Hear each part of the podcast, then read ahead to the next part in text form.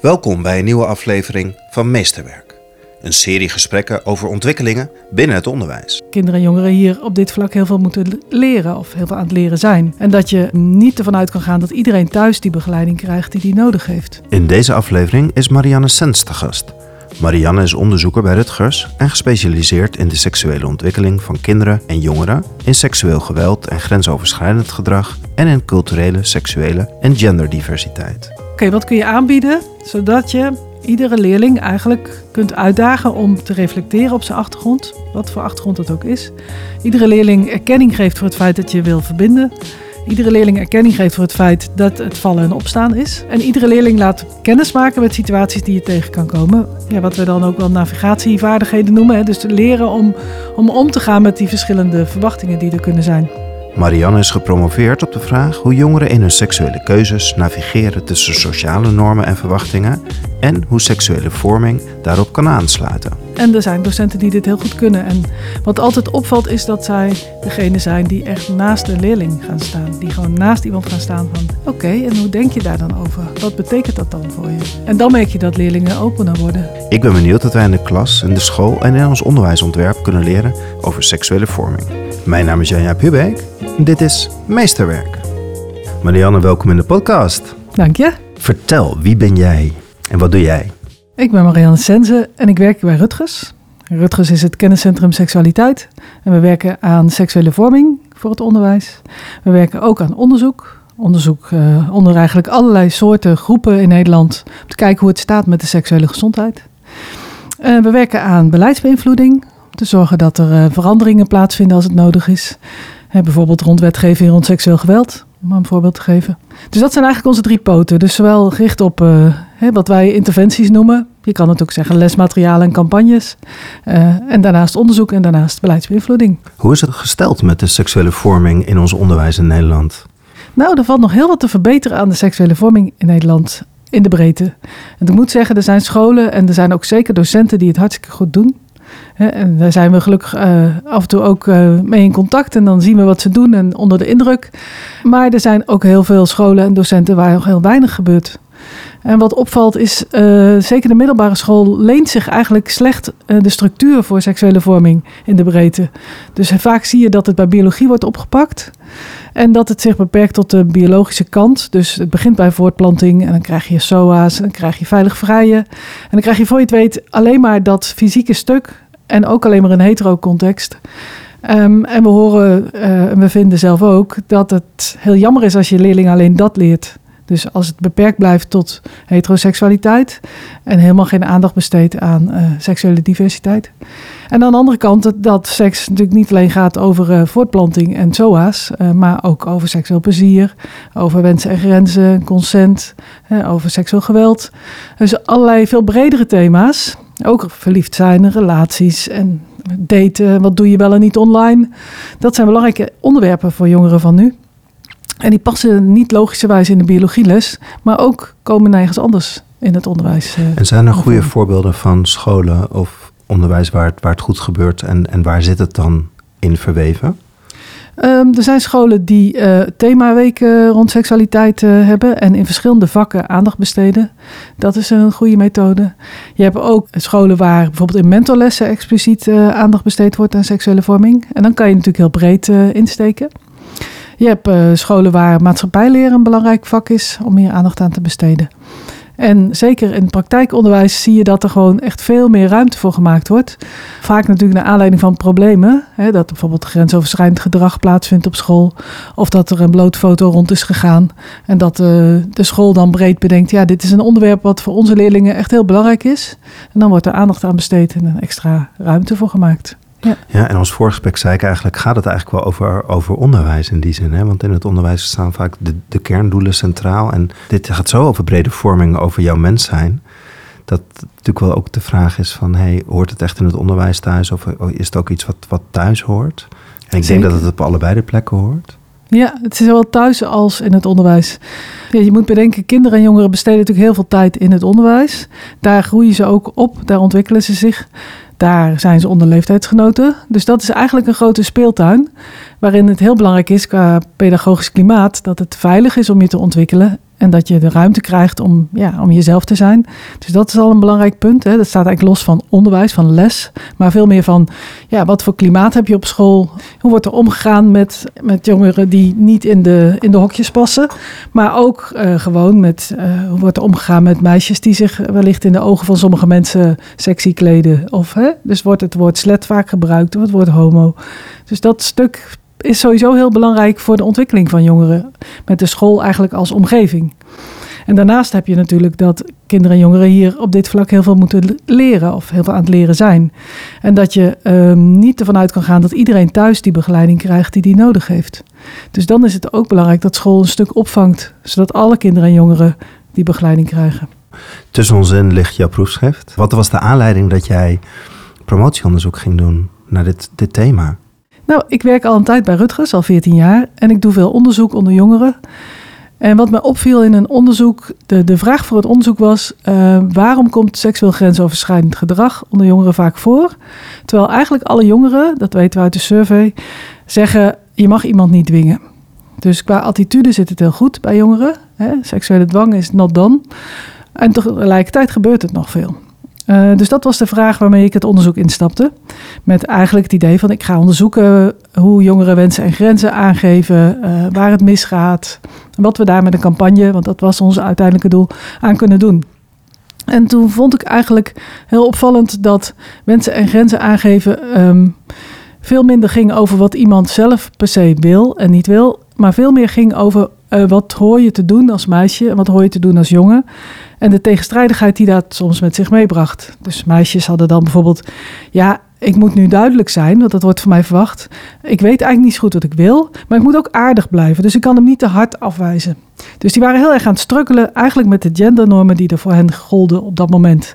Um, en kwamen daar dus soms heel ambigu uit, waardoor je dus kreeg, wat jongens ook vaak zeggen, meisjes zijn zo onduidelijk. Dan zeggen ze nee, maar ze glimlachen erbij. En dat komt dus doordat ze aan die ene kant proberen om aardig te blijven, want ja, je wil iemand geen pijn doen, dus je wil iemand niet bot afwijzen. Maar tegelijkertijd hebben ze ook het gevoel, ja, maar ik moet wel duidelijk zijn, want anders gaat iemand over mijn grens en dan heb ik het zelf gedaan. Dus dat is het stuk van meisjes. Maar jongens uh, kwamen ook met gendernormen. Bijvoorbeeld met, uh, ja, je moet zorgen dat je lef toont. Want meisjes vinden het leuk als je lef toont. Dus je moet initiatief tonen, je moet laten zien dat je, dat je er bent. Maar tegelijkertijd moet je uh, uh, laten gevoelig zijn voor de grenzen. Je moet er niet overheen. Maar waar liggen die dan? Dus je moet en een beetje ja, proactief zijn, zou ik maar zeggen, maar ook heel gevoelig. En dat is moeilijk. En ja, als je dan 16, 17 bent, dan kan je je voorstellen dat dat niet altijd goed gaat. Toen ik me voor zat te bereiden op, op dit gesprek, dan dacht ik ook, oh, wat is het ontzettend ingewikkeld. Ja, dat is ook zo. Toch? Ja, dat is ook zo. Wat je net ja. zet, hè? je ja. met je verhoudt tot de ander, maar ook wat je zelf wil en, en je eigen onzekerheid komt daarbij. Ja. En hoe je denkt dat anderen naar je kijken. Want dat is dus een laag die mij toen ook opviel. Hoe ze, hoeveel ze rekening houden met hoe er naar je gekeken wordt door anderen. Dus niet per se door degene met wie je aan het daten bent of uh, toevallig op de dansvloer staat. Maar ook door je vriendinnen of je vrienden. Of ze je een loser vinden als je niet op iemand afstapt. Of ze je een slet vinden als je wel verder gaat. Dus al dat soort dingen nemen ze mee in hun achterhoofd. En toen dacht ik, eigenlijk volstaat ons idee over autonomie niet.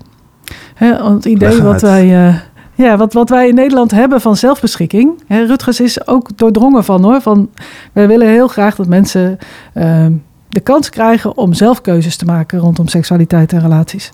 En dat uh, is verankerd in seksuele rechten. Hè? Dus iedereen heeft het recht om zelf te kiezen met wie die uh, al dan niet trouwt, of die wel of geen kinderen wil. Nou, het zijn hele belangrijke grondrechten van mensen. En dat is natuurlijk gebaseerd op een soort uh, idee over iedereen heeft een eigen wil om dat te doen. Um, maar eigenlijk is het een heel beperkte opvatting. Want als ik dus naar die verhalen van de jongeren luister, dacht ik, ja, en waar zit hun eigen koers nou precies?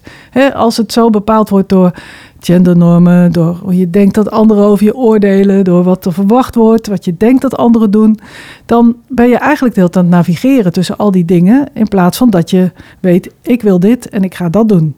En ik heb dat recht. Weet je, zo simpel is het helemaal niet. En toen dacht ik, dan zijn we eigenlijk met z'n allen in Nederland ook een beetje vreemd bezig. Als wij jongeren wel de hele tijd voorhouden, maak de goede keuze. Geef je wensen en grenzen aan. Wees duidelijk. Alsof je dat dus zomaar hoort te weten allemaal. En eigenlijk zeg je ze van, de, er zijn twee paadjes. Het ene is het goede en het andere is het verkeerde. Neem de verstandige keuzes. Ik vrij veilig of ik vrij niet. Dat soort slogans zijn wij natuurlijk ook van. Um, en eigenlijk versterk je daarmee het gevoel van, ja, jij bent verantwoordelijk als het misgaat. En dat hoor je dus ook heel veel terug van jongeren. De angst dat ze fouten maken, dat ze blunderen. Ik heb bijvoorbeeld veel interviews gedaan met meisjes die zwanger werden voor hun twintigste, uh, ongepland. En die zeggen ook allemaal, ja, ik ben zo stom geweest. En iedereen zegt het ook en ik vind het zelf ook. Je weet toch als je onveilig vrij dat je zwanger kan worden. En dan doe je het toch en dan ben je dus zwanger. Nou, dat, dan denk je, oh ja, dit, dit, deze last heb je dan ook nog te dragen. Terwijl het is al moeilijk genoeg om zo jong zo'n besluit te moeten nemen van... Uh, ja, draag ik dit uit en krijg ik een kind of doe ik een abortus? Het is al moeilijk genoeg. En als je dan ook nog denkt, en ik heb het ook nog zelf veroorzaakt... dan uh, ja, wordt de last groter. Je vertelt heel veel in, in een paar zinnen. E, even een paar stapjes terug, dat, dat ik het ook begrijp. Zo'n zo'n uitspraak hè, van je vrijt veilig of je vrijt niet... Dat, dat is een beetje dan waar we onze jeugd daarmee uh, de, de wereld in sturen. Maar eigenlijk zeg je dat dat heel beperkt is. Ja. Dus je geeft eigenlijk alleen maar een moreel oordeel. En je, en je, je helpt ze eigenlijk helemaal niet in wat ze dan te doen hebben op dat pad. Ja, is dat, is dat wat je zegt? Ja, precies. Ik zeg, ik zeg inderdaad van uh, het is te simpel voorgesteld. Alsof je zomaar zo'n keuze kan maken. Met de goede bedoelingen natuurlijk. Hè? Want die intenties, die, daar twijfel ik geen moment aan. Maar het doet geen recht aan de ingewikkeldheid die het heeft. Bijvoorbeeld om over condooms te beginnen. Hoe moeilijk dat is. Of om aan condooms te komen als je nog jong bent en je durft niet zo snel bij een drogist naar binnen. Of ja, dat je uh, je onder druk gezet kan voelen omdat uh, je vriendje zegt: ja, als jij het niet zonder doet, dan hou je niet van me. En in plaats van alleen maar zo'n simpele boodschap, moeten we hen dus voorbereiden op de ingewikkeldheid van die omstandigheden, zeg maar. En ze leren om daarmee om te gaan. hey, en, en vertel, want je hebt een heel leuk onderzoek gedaan. Je bent heel veel met, met mensen in gesprek gegaan. Je hebt ook heel veel quotes van, van mensen en, uh, en stukjes tekst. Mm -hmm. neem, me, neem me mee, hoe ben je op pad gegaan om dit te onderzoeken en wat ben je allemaal tegengekomen? Nou, ik heb het voorrecht dus dat ik uh, kwalitatief onderzoeker ben. Dat is echt het leukste beroep wat je kan voorstellen. Want je mag namelijk met iedereen gaan praten. Je mag interviews doen, uh, focusgroepen met jongeren. Ik heb steeds een interview of een interview, een onderzoek gedaan uh, wat een bepaald doel had. Dat doen wij hier vaak, weet je. Dus een onderzoek leidt om bijvoorbeeld een vraag uit te zoeken waarop we uiteindelijk een campagne willen baseren of waarop we lesmateriaal willen maken. En elk onderzoek hebben we opnieuw gekeken welke methode past het beste en wie kan het beste interviews doen. Dus toen ik onderzoek deed in 2013 naar jongeren met een migratieachtergrond en hoe zij eigenlijk wat voor betekenis zij geven aan seks. Want het was namelijk, dat zal ik even uitleggen. Uh, we hebben een survey die heet Seks onder je 25ste. Die doen we heel breed onder uh, de Nederlandse jeugd.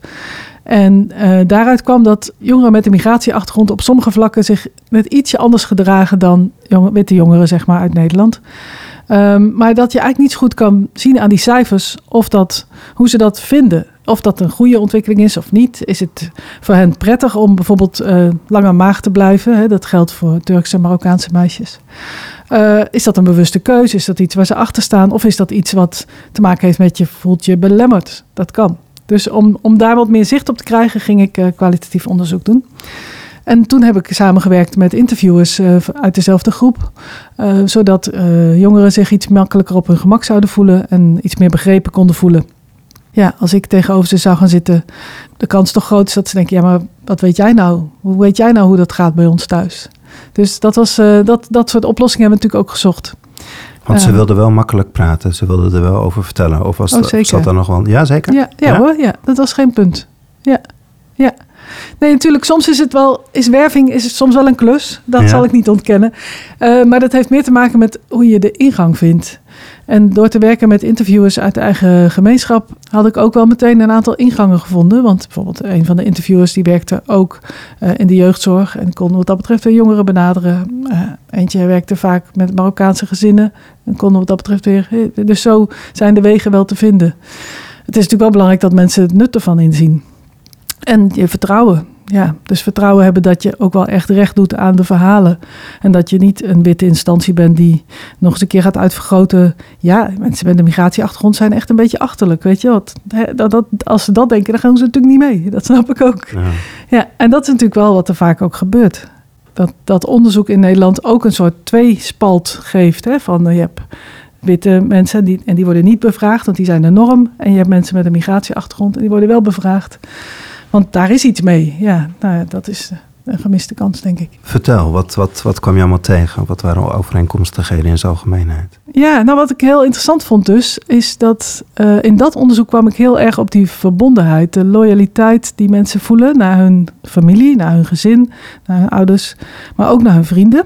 En dat was eigenlijk een, eh, een eye-opener voor mij, dat dat ook wel was wat er speelde bij de, bij de brede groep. Dus dat die verbinding uh, die mensen voelen en niet willen beschadigen, de relaties die ze hebben, dat dat iets is wat we het vaak over het hoofd zien. Dus als we uitgaan van autonomie, hè, waar ik eerst was, dan lijkt het alsof iedereen op een eilandje zit los en eigen keuzes maakt, alsof ieder eilandje zo zijn eigen kant op kan gaan.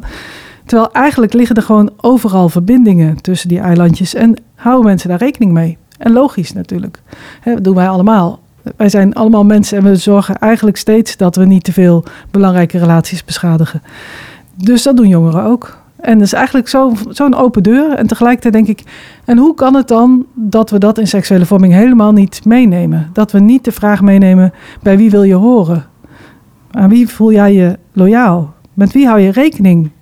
Bijvoorbeeld als het gaat over maagd willen blijven, maar ook net zo goed als het gaat over uh, een sexy selfie versturen.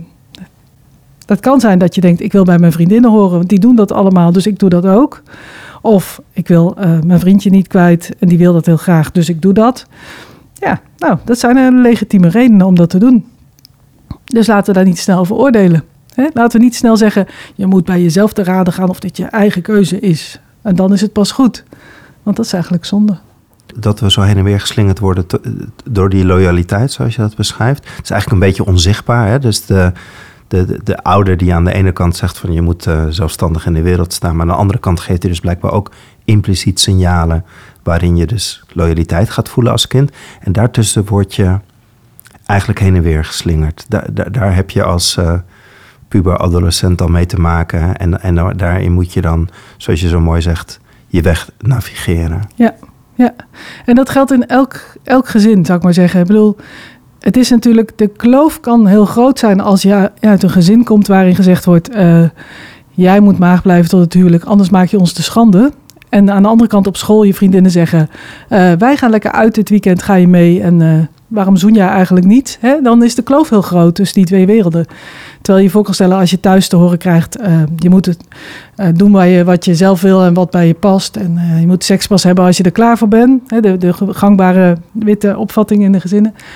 En thuis en op school wordt hetzelfde gezegd. Dan heb je wat minder die kloof. En tegelijkertijd zullen die ouders die dat zeggen ook zeggen ergens van... we verwachten niet dat je zwanger thuis komt op je zestiende bijvoorbeeld. Dus, dus er liggen nog wel wat impliciete verwachtingen onder. Ja. En ook wel van we verwachten dat je goed voor jezelf zorgt. En dat is ook, die verstandige keuzes, is eigenlijk ook een norm die wij allemaal opleggen aan jongeren. En dat goed voor jezelf zorgen, dat doen we eigenlijk nog te weinig. Ja, of leren voor jezelf zorgen. Ja, maar we ook, zeggen dat je het moet doen, maar we helpen je eigenlijk niet. Precies, maar ook erkennen dat je dus dat erbij willen horen een belangrijke uh, behoefte is. En dat dat ook voor jezelf zorgen is. Dus dat het niet alleen maar gaat over uh, zorgen dat je geen SOA's oploopt en niet zwanger wordt um, en geen seksueel geweld meemaakt. Hè, dat niet zo'n enge definitie hebben van wat seksueel welzijn is, maar wat breder van, oh ja, wat heb je eigenlijk nodig? En niet alleen wat moet je vermijden. Wat is er uitgekomen in zijn algemeenheid? Wat kan je vertellen van Ja. heel veel mensen gesproken? Ja, Wat kunnen we leren in het onderwijs wat jij onderzocht hebt? ja ik heb um, een nieuw model gemaakt om te kijken inderdaad van hoe kunnen we nou nadenken over die keuzes van jongeren buiten alleen maar autonomie uh, als principe. En dan kom je op een model wat bestaat uit vier partjes. Ja. Het eerste partje gaat eigenlijk over uh, dat je leert door te doen, door gewoon fysieke ervaringen op te doen. Dus hè, je kan niet van tevoren bedenken of je wil zoenen of niet. Als je dat nog nooit gedaan hebt, dan moet je dat gewoon proberen en ontdekken. Oh ja, zo gaat dat. Oh, dit is het. Dus uh, die ruimte moet er zijn om eigenlijk je lichamelijke gewaarwording, hè, je, je, eigenlijk je, ja, je leren ook op het lichamelijke stuk te ervaren. En dat uh, heeft, vindt plaats bij ons in de samenleving natuurlijk te midden van ja, de normen, de sociale normen die er zijn. Rondom gender, maar ook rondom heteroseksualiteit. Rondom, je moet je op een bepaalde normale manier gedragen. En je moet een bepaalde leeftijd hebben om bepaalde dingen te doen. En uh, er zijn dus altijd in de samenleving normen over wanneer iets wel of niet iets goeds is om te doen. Dus daarin is het dus belangrijk dat jongeren leren ja, om, om ten eerste dat ze fouten mogen maken of dat er dingen mis mogen gaan. Hè? Dus dat je niet altijd alles al van tevoren kan bedenken, hoe alles moet zijn en dat dat dan zo werkt. Want zeker als het gaat over seksualiteit en relaties, ja, dan moeten we gewoon allemaal leren, aldoende leren. Zoals je ook leert zwemmen in het zwembad en niet aan de kant. Ehm, dat geldt hiervoor ook. Maar dit is toch ontzettend complex om, Mhm. van een docent of van een school te vragen om hier het goede in te doen. Met al die kinderen die in. Het gaat ook niet allemaal tegelijkertijd. Het is ook niet allemaal dat ze op maandagochtend tegelijkertijd, zeg maar. eh, zin hebben om te zoenen, maar nog niet weten hoe of zo. Dat gaat Nee. natuurlijk ook allemaal om verschillende. En Ja. daarin het goede doen, dat is heel complex. Ja, maar het betekent volgens mij vooral dat we kijken naar onderwijs als welke boodschappen geven we eigenlijk met wat we doen. Eh, zitten we vooral op de koers van waarschuwen en eh, zeggen dat ze verstandig moeten zijn? Ja, dan, dan sla je hier op de plank mis. Of zit je vooral op eh, jongens, meisjes ook kijken maar wat er gebeurt. het is soms ingewikkelder dan je denkt. En laat je ze bijvoorbeeld verhalen horen van anderen. Laat je ze oefensituaties zien. Zie je dat je soms A, B en C zou kunnen doen en dat dat verschillende wegen zijn met verschillende uitkomsten. En dus meer op die manier als een lerend, zie je ze als lerend hierin. Dat is eigenlijk. Ja, eh, en ja. open en, Ja. en eigenlijk uitnodigen tot het gesprek. Ja. Dat is wat je zegt. Ja. Ja, Ja, en, ook het snelle oordeel wat ze op elkaar hebben, daar kan je ook iets mee. Hè, zeker als het gaat over gendernormen, eh, zou het heel mooi zijn om in de klas ook gewoon ter discussie te stellen: waarom is iemand een meisje zo snel een slet en een jongen niet? Hè, waarom is een jongen die eh, zich zo gedraagt dan meteen een homo? Waarom? Wat is dat? En wat zeg je eigenlijk als je dat zegt? Dus hè, om meer dat gesprek te voeren over hoe je op elkaar reageert ook. Want jongeren nemen elkaar natuurlijk heel erg de maat ook steeds. En dan stevig blijven staan als docent en in rust blijven luisteren. Want het is heel kwetsbaar. Ja, dat is het ook. Het is ook niet makkelijk. Nee, echt niet. Nee. nee, het is zo mooi. Ik vind het zo Ja. waardevol van je, van je onderzoek is dat het echt die, de andere kant van de autonomie eigenlijk laat Mhm. zien. Hè? Ja. Ja. Hey, neem ons even, want je begon Ja, bij het eerste partje Dat is het eerste partje. en het tweede partje. Het tweede partje gaat over die verbondenheid waar ik het net over had. Ehm, het gaat eigenlijk vooral over het erkennen dat jongeren, net als wij allemaal, maar jongeren in het bijzonder, denk ik, eh, verbonden willen zijn met zowel hun thuis als eh, hun vrienden. En dat ze bereid zijn soms om daarin eh, mee te bewegen. Dat is natuurlijk ook prima, want ze zijn gewoon ook bezig met het behouden van die relaties.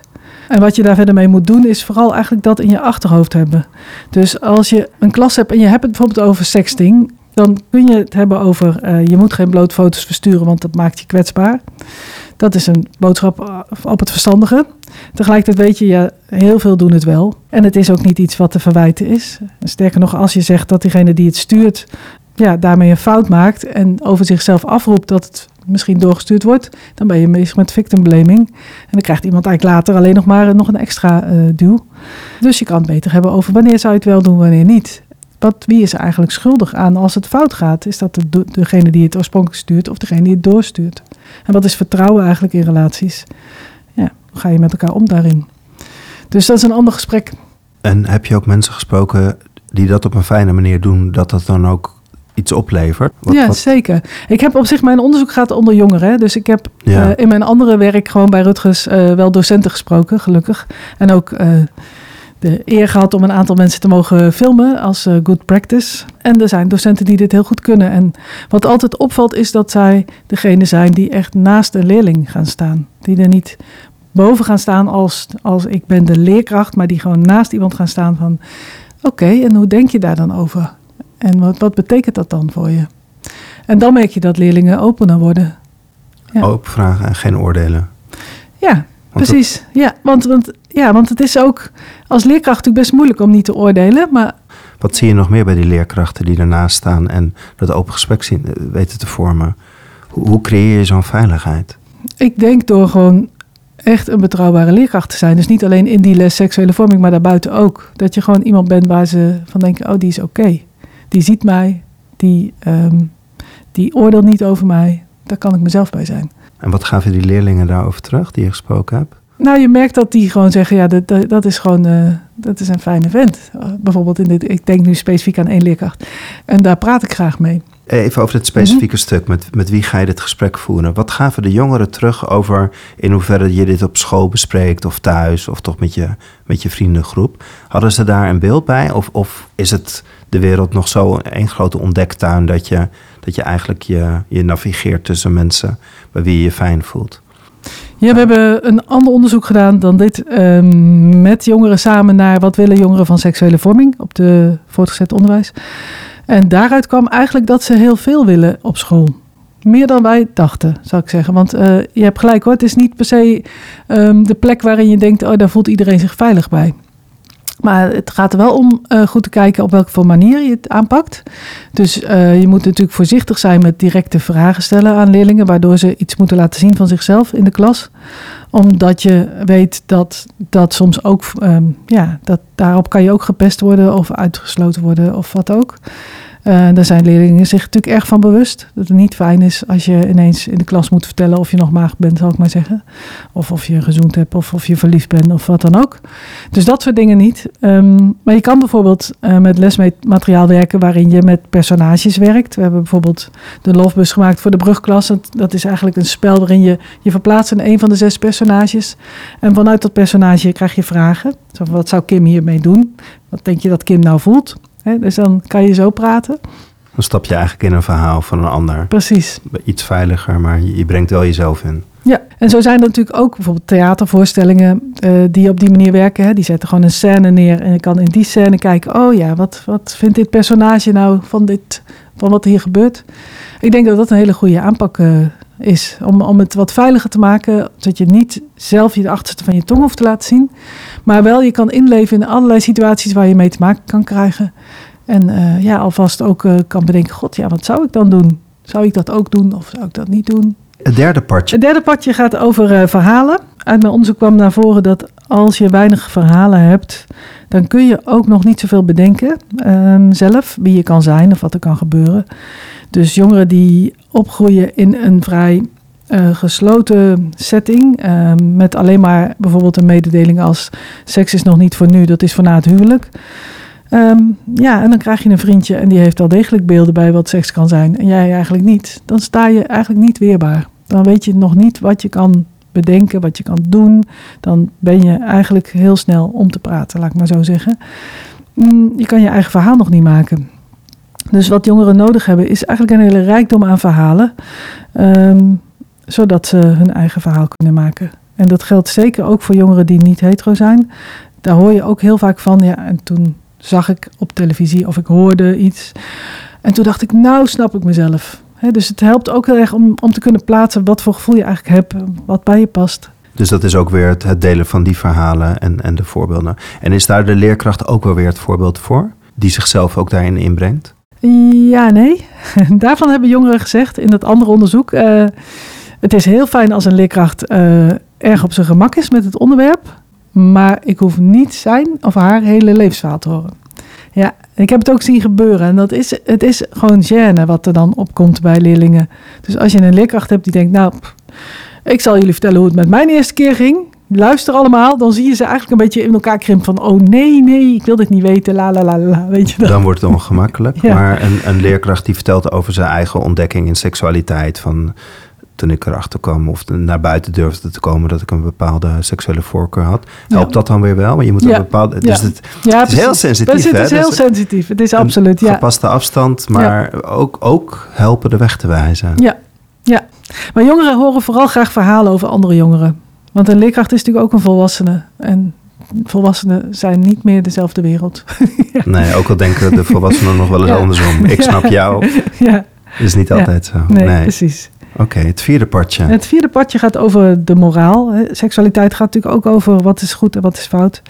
En hoe zit het met moraal? Um, en dat is eigenlijk wie mag je zijn of wat mag je doen, wat mag je niet doen. En daarin moeten jongeren ook een eigen koers vinden. En het is heel makkelijk um, om in het begin, als, je merkt echt als ze jong zijn, dus 12 tot 14, uh, dat ze nog helemaal in de moraal van, van thuis zitten. Bijvoorbeeld heel makkelijk zeggen abortus is moord. Of um, ja, als je uh, seks hebt, uh, dan ben je een slet. Of nou ja, alle, heel makkelijk van zo is het en niet anders. En naarmate ze zelf ouder worden en wat meer ervaring opdoen en wat meer horen, dan ontwikkelen ze steeds meer een morele kompas. En denken ze, oh ja, nee, maar ja, als je dan zwanger bent en je bent 16, ja, ja, ik kan me wel voorstellen dat je dan een abortus doet. Want ja, een kind opvoeden, dat is een andere kwestie. Dus dan worden ze wat gevoeliger voor de verschillende kanten. En daarin kan seksuele vorming ook heel erg helpen. Zoals je leert om te reflecteren op, uh, ja, waarom is het zo vanzelfsprekend? Wat voor, wat voor kader ligt er eigenlijk onder? Je hebt dit, je hebt dit model uh, ontwikkeld voor het onderwijs. Mm -hmm. We hebben het specifiek steeds eigenlijk over het voortgezet onderwijs. Is dat ook je aandachtsgebied geweest? Of is dat ook echt gewoon gezien de leeftijd de, de, de belangrijke groep? Want vraagt het, Um, laat ik het anders zeggen, vraagt het ook iets van het basisonderwijs? Ja, ja goede vraag. Uh, ik heb het inderdaad, ik heb vooral interviews met jongeren gedaan. Um, en de seksuele ontwikkeling van jongeren zit natuurlijk wat meer in een, in een andere fase dan de basisschool, dat is duidelijk. Maar tot mijn grote verbazing was er een GGD in het land die zei: Wij zijn een uh, e-learning aan het maken voor het basisonderwijs en willen jouw model gebruiken. Nou, hartstikke leuk natuurlijk. Zeg ik, ik heb het eigenlijk met, helemaal niet voor het basisonderwijs bedacht. Maar als jullie denken dat het wel kan, dus toen zijn we samen gaan kijken van ja, hoe, zit, hoe vertaalt zich dat dan naar het basisonderwijs? En ze hebben er vier brillen van gemaakt. Dus in plaats van uh, vragen, zou ik maar zeggen, zijn het brillen geworden. Brillen waarmee je kan kijken naar situaties. En dat is eigenlijk heel leuk en ook heel uh, ja, goed te gebruiken. Want dan kan je dus ook kijken van, oh ja, dit is, dit, dit, dit is een situatie die leent zich eigenlijk voor deze bril. De bril van, oh ja, waarom doet iemand dit? Of uh, wat, wil, wat wil iemand? Of wat, wat heeft iemand nodig? Of, nou ja. Dus dat is eigenlijk heel mooi geworden. Dus ik denk, ja, het kan blijkbaar ook voor het basisonderwijs. Ook al had ik dat niet zo in mijn hoofd. En helpt dat dan ook, want je begon eerder met, met die diversiteit in religieuze achtergronden of culturele achtergronden, waarin thuis misschien ook nog wel andere beelden zijn dan bij, bij de, de, de witte opgeleide. Laten we even de twee perspectieven pakken. Mm. Hoe ga je nou eigenlijk op een goede manier om met al die diversiteit in achtergronden en die moraal die thuis is en, die, en, en de verschillende achtergronden waarin ook nog nou, veel impliciete waarheden meegedragen worden? Ja. Blijft een vage vraag. Snap je mijn vraag? Ja, ik snap het denk ik wel. Nou, ik denk dat het al heel erg helpt doordat je als leerkracht anders kijkt dan. Hè, jezelf ook. Dat je dan minder snel geneigd bent om je eigen kader te gebruiken als het enige kader wat er is. Dus dat helpt. En ik denk dat het ook wat makkelijker maakt om te denken: oké, okay, wat heeft dit kind of deze jongere nou nodig om te groeien? Want dat is natuurlijk uiteindelijk waar we voor staan. We staan voor ja, dat ze zich kunnen ontwikkelen. En wat voor omgeving moet je daarvoor creëren? Dus dat is eigenlijk meer waar het over gaat dan. Ja, dat is eigenlijk de grote vraag. En ik hoop dat dat model uh, daar wat handvaten voor biedt. Hè? Van oké, wat kun je aanbieden zodat je iedere leerling eigenlijk kunt uitdagen om te reflecteren op zijn achtergrond. Wat voor achtergrond het ook is. Iedere leerling erkenning geeft voor het feit dat je wil verbinden. Iedere leerling erkenning geeft voor het feit dat het vallen en opstaan is. En iedere leerling laat kennis maken met situaties die je tegen kan komen. En plus, uh, ja, wat we dan ook wel navigatievaardigheden noemen. Hè? Dus leren om, om om te gaan met die verschillende verwachtingen die er kunnen zijn. En ik denk eigenlijk dat je dan um, ja, op een hele brede groep, uh, ja, een hele brede groep kan, kan helpen, laat ik maar zo zeggen. Ja.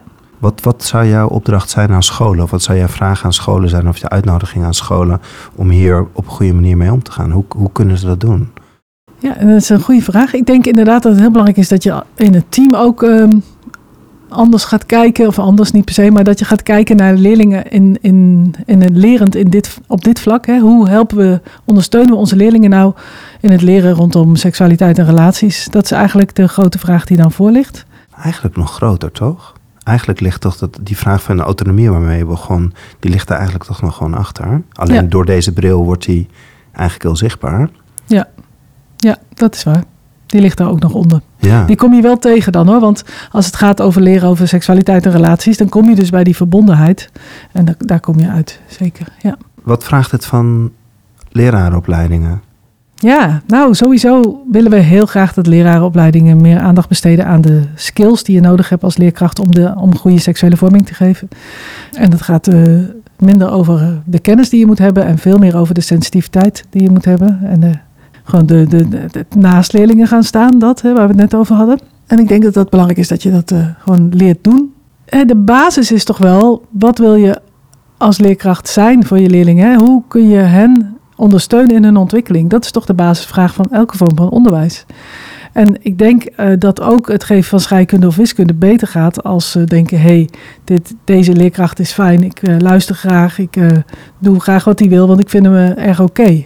Dus daarvoor gaat die relatie maken tussen leerkracht en, of tussen docent en leerling, is zo belangrijk. Zonder relatie geen prestatie. Ja, zo zou ik bijna zeggen. Ja, ja dus je wil hem eigenlijk gewoon omdraaien. Ja. Gewoon hier bewust van zijn en dan je onderwijs pas gaan ontwerpen. Ja, en ik denk ook, dan kan je wel hebben staan, ik ga vandaag Engels geven en dan blijkt er een blootfoto rond te zijn gegaan en de hele klas is alleen maar bezig daarmee.